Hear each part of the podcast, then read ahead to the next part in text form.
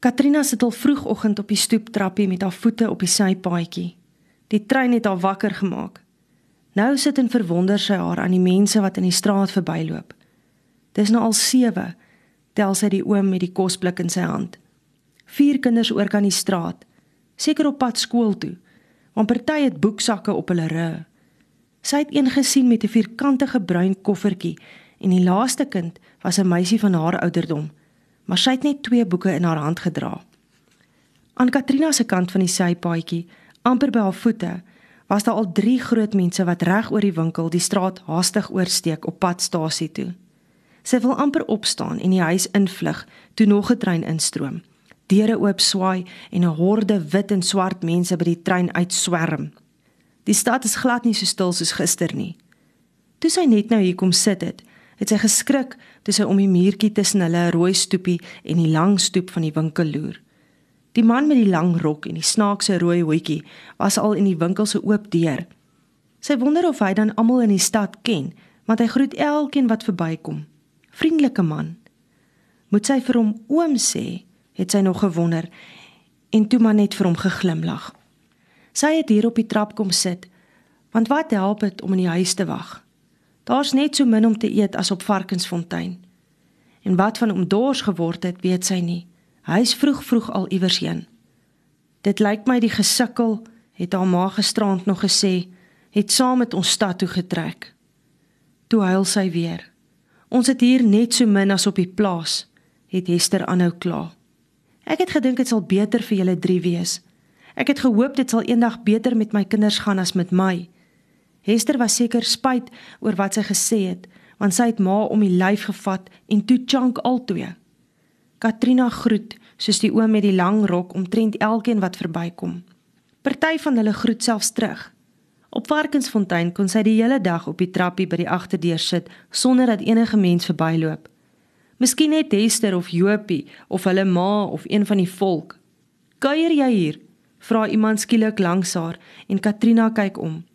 Die dogtertjie moet ook so omtrent 12 jaar oud wees, so oud soos sy. Kort wit rok en kaalvoet met 'n bruin boeksak op haar rug. "Nee, ek bly hier," antwoord Katrina. "Jy lieg, jy kuier net. Ek het jou daar nog nooit gesien nie. Dis oom Ferreira se huis en jy sien sy kind nie." Katrina bly stil. Kyk die ander kind stip aan.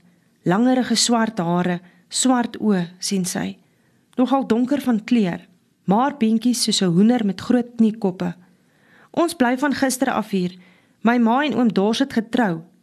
Wie's oom Dors? vra die ander dogtertjie. Oom Dors Ferreira.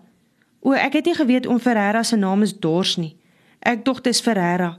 Dis 'n snaakse naam. Seker omdat hy altyd dors is. Nee man, hy het op die plaas met die dorsmasjien kom werk. Wat se ding is 'n dorsmasjien? Het jy dan nog nooit 'n dorsmasjien gesien nie? Dis 'n groot rooi masjien wat mielies dors. Katrina kan aan die ander een se gesigsuitdrukking sien dat sy nie weet waarvan Katrina praat nie. Dit maak die mieliepitte van die mieliestronke af. O. Maar Katrina sien die kind verstaan nie eintlik nie. My naam is Judith, sê die dogtertjie en kom langs Katrina op die trap sit. Ek is Katrina. Aan die oorkant van die straat kom twee kinders by die hek uit. "Hi Judith," groet die dogtertjie wat vir Katrina 'n bietjie kleiner as sy en Judith lyk. "Hallo Silly, hallo Pieter," groet Judith. "Ken jy dan al die kinders?" vra Katrina. "Nee," Judith lag helder. "Maar ek ken darm die meeste kinders wat in ons skool is en wat hier rond bly." Op Varkensfontein is daar nie ander kinders nie, sê Katrina. Varkensfontein, is dit 'n plek? Dit is die plaas waar ons gebly het, ver van hier af. Judith lag weer en staan op.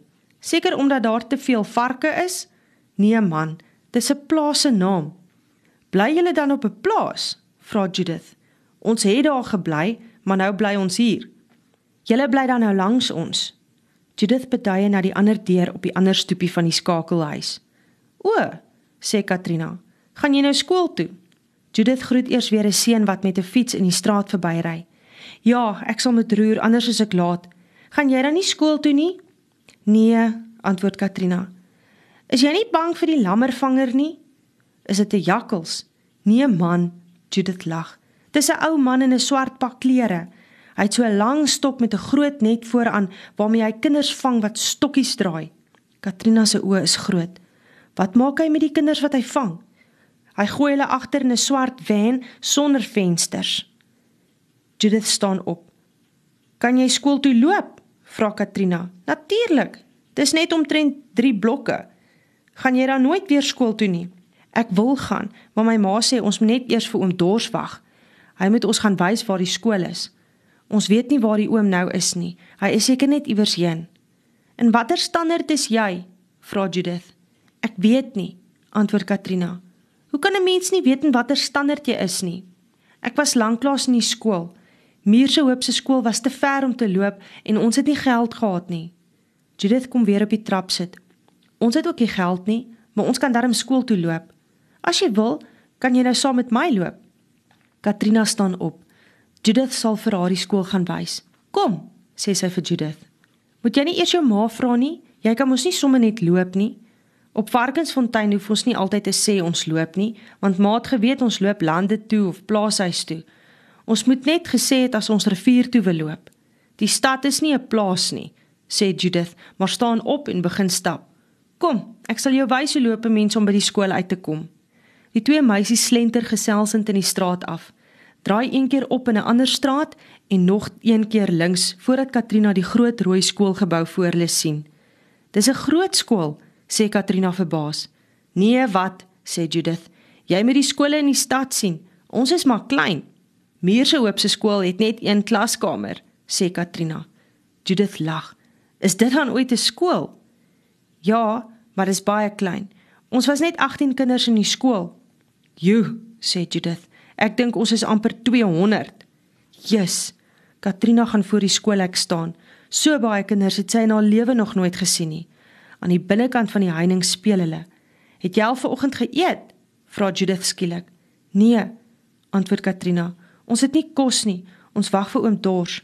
Ons ook nie, sê Judith. En dit help nie ons wag vir my pa nie. Hy is dood. My eie pa ook, sê Katrina net toe die klok lui. Ek moet loop Katrina, as jy bietjie wag sal ek klein speeltyd vir jou melk en druiwe bring. Jy sê dan jy het nie kos nie. Ons het nie, maar voedingperiode kry ons 'n botteltjie melk en 'n vrug of 'n stukkie vis. Partykeer 'n handvol gromboontjies en rosientjies. Elke dag, vra Katrina. Elke dag. By die hek bly Katrina wag. Sy hoor die kinders in die saal langs die heining sing. Sy ken die lied en neerie sag saam. Hulle het nie oor die skool gelieg nie. Sy sal huis toe gaan en vir haar ma gaan sê sy moet hulle by die skool kom inskryf. Maar sy wag net eers totdat Judith die druiwe en die melk kom wys, want dit glo sy nie sommer nie. Ma, skree Katrina al van die voordeur af. Ek het 'n maatjie gekry. Sy het my die skool gaan wys en vir my haar druiwe en melk gegee. Haar ma se reaksie is nie heeltemal wat Katrina verwag het nie. In plaas van bly wees oor die skool, raas haar ma omdat sy nie gesê het sy loop nie. Die stad is nie 'n plaas nie, sê haar ma. Jy kan nie sommer die strate vat asof dit 'n mielieland is nie. Maar dit demp Katrina se opgewondenheid nie heeltemal nie. Veral nie toe haar ma beloof het dat sy haar skool toe sal vat sodra oom Dors terug is.